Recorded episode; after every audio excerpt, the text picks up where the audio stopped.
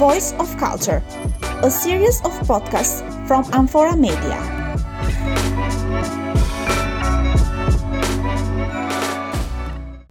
Hello, my name is Livia. Together we will be in the cycle of podcast called The Voice of Culture. I welcome you to this first podcast in this series. This podcast aims to stimulate discussion on topics related to archaeology and cultural heritage. This podcast will take place in the field with our interviews. Please follow us on our website amphora.al. In this first series, we will be with Caroline Perry, a freelance lecturer and director of the MBI Al Jaber Foundation, a British charity working in education and cultural dialogue. Hi, Caroline. Thank you for joining us. Hi, Livia. It's lovely to be here. Thank you for asking me. So, the first question please tell us more about your uh, involvement on your whole career in Britain and also in other countries. Thank you. So I live in Durrës now, but I only moved here just over three years ago. And previously, I lived in the UK. I grew up in the UK and was educated there. But I've had a career that has taken me to lots of different countries, so I'm very lucky. So I uh, have worked in the museum sector and in the education sector, and part of my job has been to take people um, around in tour groups looking at cultural heritage sites, um, investigating the history and archaeology of different countries. And I've been doing this now since 1997, so a very long time. I started in Greece, but I've also taken tours in Syria and in Iran and in Albania since 2007. So I loved Albania so much, I decided to come and live here. And I've been living here now, as I say, for more than three years. And um, there's still a lot to discover. It's a really fascinating country and it has an incredibly rich history. Thank you. So, um, you have lived here for three years and you have chosen Durrës as your second home to live in where uh, you are also attracted by the archaeological um, side of the city and the sea to settle here. Tell me more about your opinion about Durrës city, why you have chosen Durrës. Well, that's a really interesting question. Obviously, I'm quite lucky because when I first started coming to Albania, I was looking at all different parts of the country in order to create some tours and some itineraries to take people around and show them all the sites. So that gave me quite a good insight into the different cities. And I live in London in the UK, so I'm used to living in a big city. So I did spend quite a lot of time in Tirana, and there's nothing wrong with Tirana, but there's something about Durrës Partly it's the sea, but also it's all of those layers of history. It's just such a fascinating city, and I think that when you look at the history of Durrës, you realise that the key to its success is its location. So, for millennia, it's been a really important city in terms of um, an, a port, a harbour, and a gateway really um, to the rest of Albania, and also obviously easy access to Italy. And that's reflected in the rich history that you have here. So for me, it's really important to live in a city where, yes, I've got the sea and I've got the beach and I've got all of those lovely things, but there's the layers of history. So when I leave my house, I walk into the town and I have to walk through the late antique city walls. I walk past the uh, ancient amphitheatre dating to the, the second century AD, and then I walk into the city centre and I see that there's a late, anti- late antique forum, and there are all of these interesting buildings from the Italian period. There are buildings from the communist period. There are just so many layers of history, and for me, that's what I find really fascinating about it. But I should also add it's got lots of lovely restaurants and bars and friendly people, so it's got a lot to offer. You have described so well Durrës. Thank you. So, do you think that Durrës pays due attention to archaeology and cultural heritage? It's very difficult when you have a city that's been continuously occupied for so long and when it is a busy and functioning city. In this case, obviously the biggest port city in Albania. So there are always going to be a lot of pressures on the city and how to preserve its heritage. On top of that, you have to think about the fact that um, in past times people weren't also weren't always so caring about their heritage. So now, um, thanks also to pressure from international agencies, countries are more aware about the preservation of um, artifacts and um, archaeological remains generally. But that hasn't always been the case. In the case of Durrës, because we are in a city that has been a successful city for three millennia, um, every time somebody wants to develop an area in the centre of the city, we've really got to be aware of the archaeological material that might be at that site and under the ground there. And that, of course, comes with its own pressures. It costs developers more because they have to perhaps stop work, they have to um, allow for delays, time delays, while um, archaeological excavations or um, just general investigations are carried out. So um, it's a, it's a stress and it's a pressure. There are some things that have happened in Durrës, for example. I was very disappointed to see what happened when some of the city walls, the ancient city walls, were um, concreted over in the past couple of years. I think that's a really that's a shame. The Valera stuff. Yeah. Um, I really think that that was was a shame because um, we have to look at tourism holistically, um, not just think about beach resorts, hotels, etc. Um, the cultural heritage sector is a booming sector, or has been until unfortunately we were hit by um, the, the, pandemic. And um, these are assets. Durrës has lots of assets in its archaeological remains, and these should be preserved rather than concreted over. Yes, it is very true. So, uh, you have a work experience with museums, starting from the British Museum. How do you access the Archaeological Museum of Durrës? Should there be more efforts for its modernization and the creation of medieval sector or underwater archaeology? Well, first of all, I'd like to say that I love the Archaeological Museum. I like to visit it, and uh, it has some absolutely wonderful objects in it. Of course, we have an expectation that at some point we'll be able to see the objects from the later periods of the history of Durrës because at present obviously um, we have the ancient period but as I understand it the Byzantine and medieval and later sections are going to be at the upper floor but I don't have any understanding of what the progress is so it would be nice to eventually see the objects from the other periods because at the moment the objects that we have there are wonderful but they relate to the early periods of the city.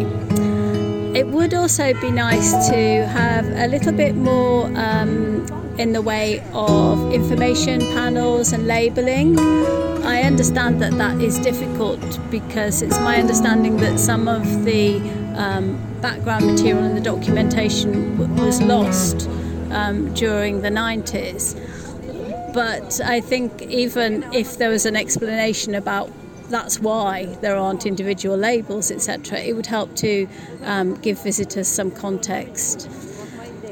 It's always a question of resources, though, isn't it, with any museum, um, to have new panels, new interactives, um, different kinds of programmings. Uh, all of these things are welcome, but they all take resources. So sometimes it's a question of that.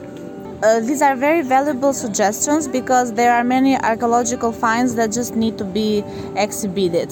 So the next questions for you, Caroline, is through the rich funds of the British Museum, you have challenged the negative images and stereotypes of the Arab world and Islamic cultures. Please tell us more about this experience.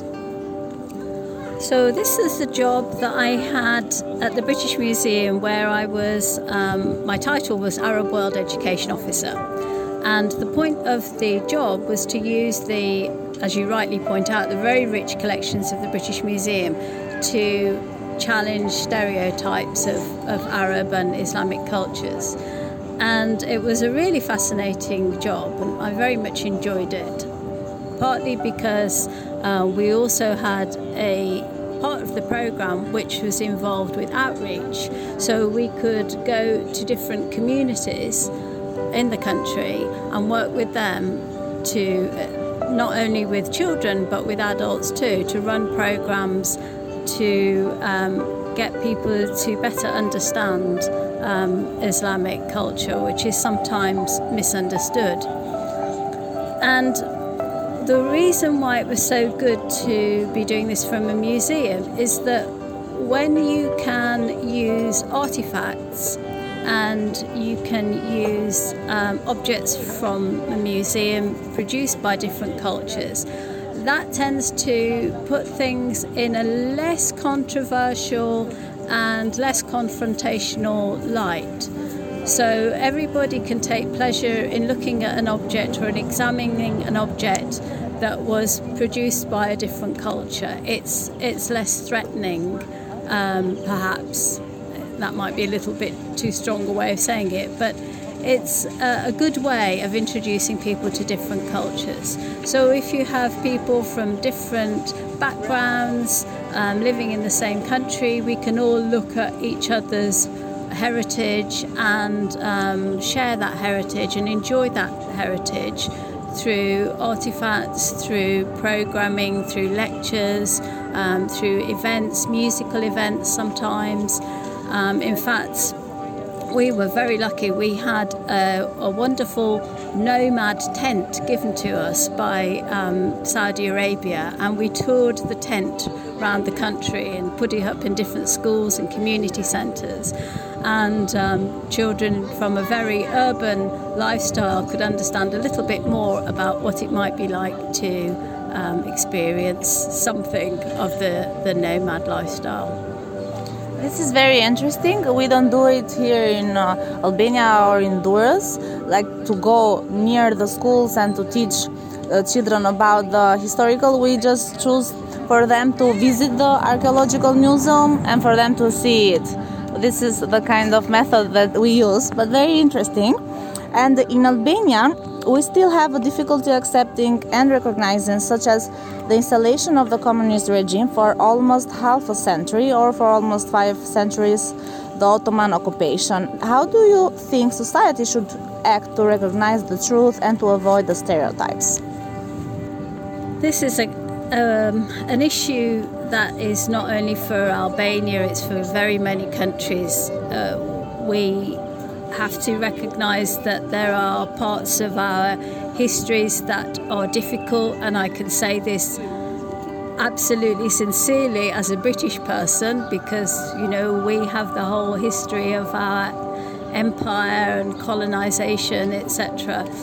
So the the key, I think, is education to educating people about those periods, getting them to understand how those periods came about, what motivations were there, and not to try and cover things up, but to acknowledge that there are ugly periods in every country's history.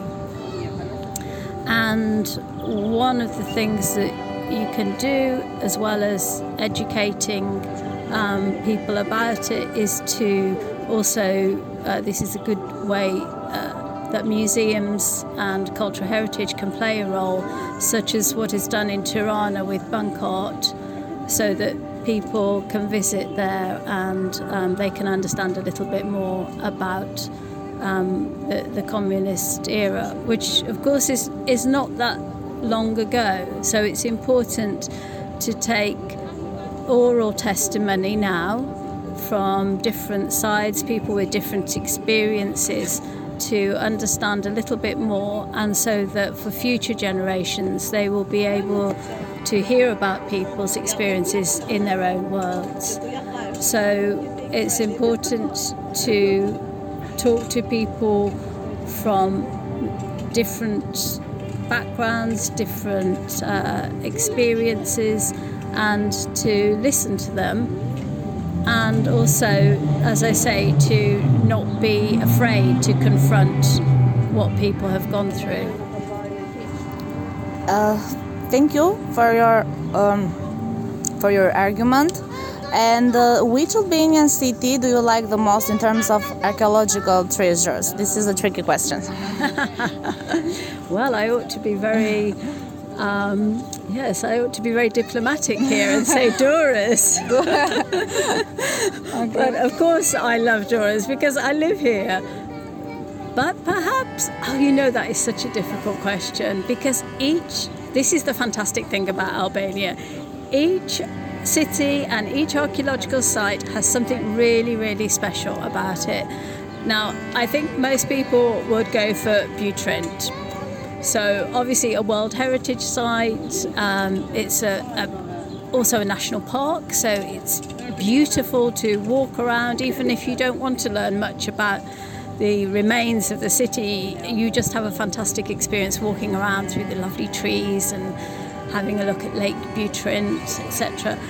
But I actually prefer some of the more um, wild and remote sites.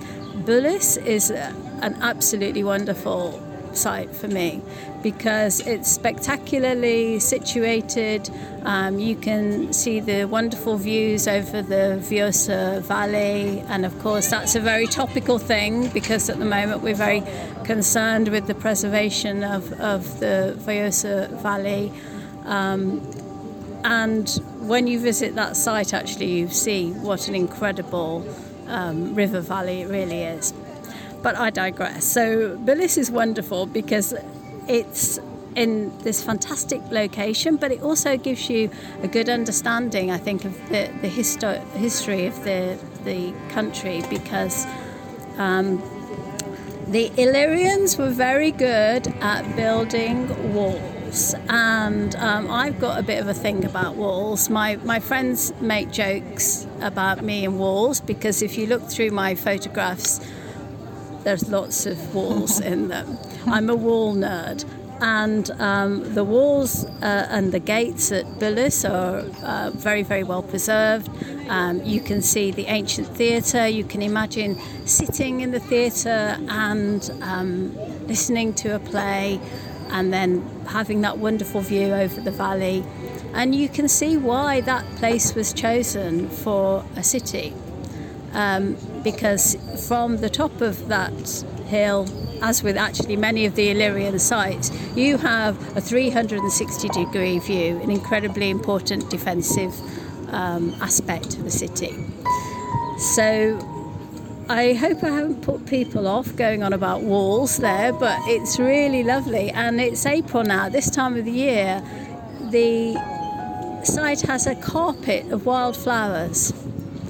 And that's one of the other lovely things about being in Albania because the sites um, really are at one with nature, I think. Yes, that's beautiful. So, um, you have a blog of your own. Please tell us about it. And if foreigners write to you to know more about Albania, does it happen? Um, yes, I do have a blog, and the blog is really about not only about Albania, but it's also about the other countries that I take tours to. So sometimes about Iran, sometimes about um, Greece. But um, I don't get so many people writing to me about Albania on the blog, but I do get a lot of interaction on Twitter. I have a Twitter account and um, a lot of people have commented, wow, I didn't think Albania looked like this. They're quite surprised and um, quite surprised to hear about different connections. I think sometimes people don't even really know geographically where Albania is. They somehow think it's further to the east than it actually is. And one of the things that I like to do with um, Twitter and other social media is to help people make links easily. So, if you say, for example, that Octavian was in Albania, of course, it wasn't Albania then, but um, Octavian was in the city of Apollonia when he heard that Julius Caesar had been murdered and he had to rush back to Rome very quickly. And people suddenly think, what? That's, that happened in Albania? I didn't know that. So, um, you know, everybody who did Greek at school or ancient history or Latin, so I'm talking about the older generations really, everybody's heard about the Peloponnesian War and the dispute over Epidamnus, obviously Dyrrachium Durrës, where I am now, was one of the causes of the Peloponnesian War. So, incredibly important event that happened here. Julius Caesar and Pompey were engaged in civil war up and down the coast of Albania. There are all these links with ancient history um, that show how important Albania was in ancient times. And um, I think if through my social media, that's helping a lot of people understand a little bit more about Albania. Yes, this is also what we like to um, uh, do with uh, this series of podcasts and also some of the podcasts will also be in English for our foreigners to hear them and why not to visit Albania maybe one day. So, thank you, Caroline. My last question for you is what would be your message to all tourists who wants to visit the city of Durrës? Well, they should definitely come here. um, the city has a lot to offer. I don't regret for one minute moving here. As I said before, the fact that when I walked through the city, I walked through the ancient city walls, I walked past an amphitheatre. I mean, how many cities in the world can you do that in? But then, if I want to, I can go down to the beach, I can watch the sunset, I can eat some lovely food. Um, there's just so much here. It's a very, very rich city in terms of its history, um, and it's very well connected. I mean, for me, it's great because it's very close to the airport, or I could get a ferry to Italy, or I can pop into Tirana.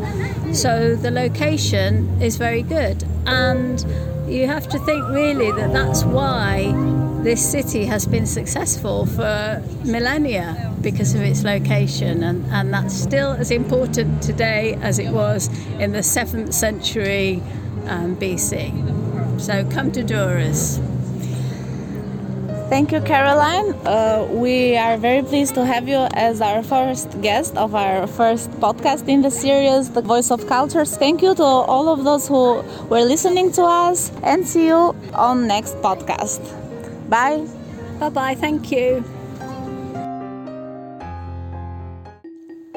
Voice of Culture, a series of podcasts by Amphora Media developed with the support of the Media for All project funded by the UK government.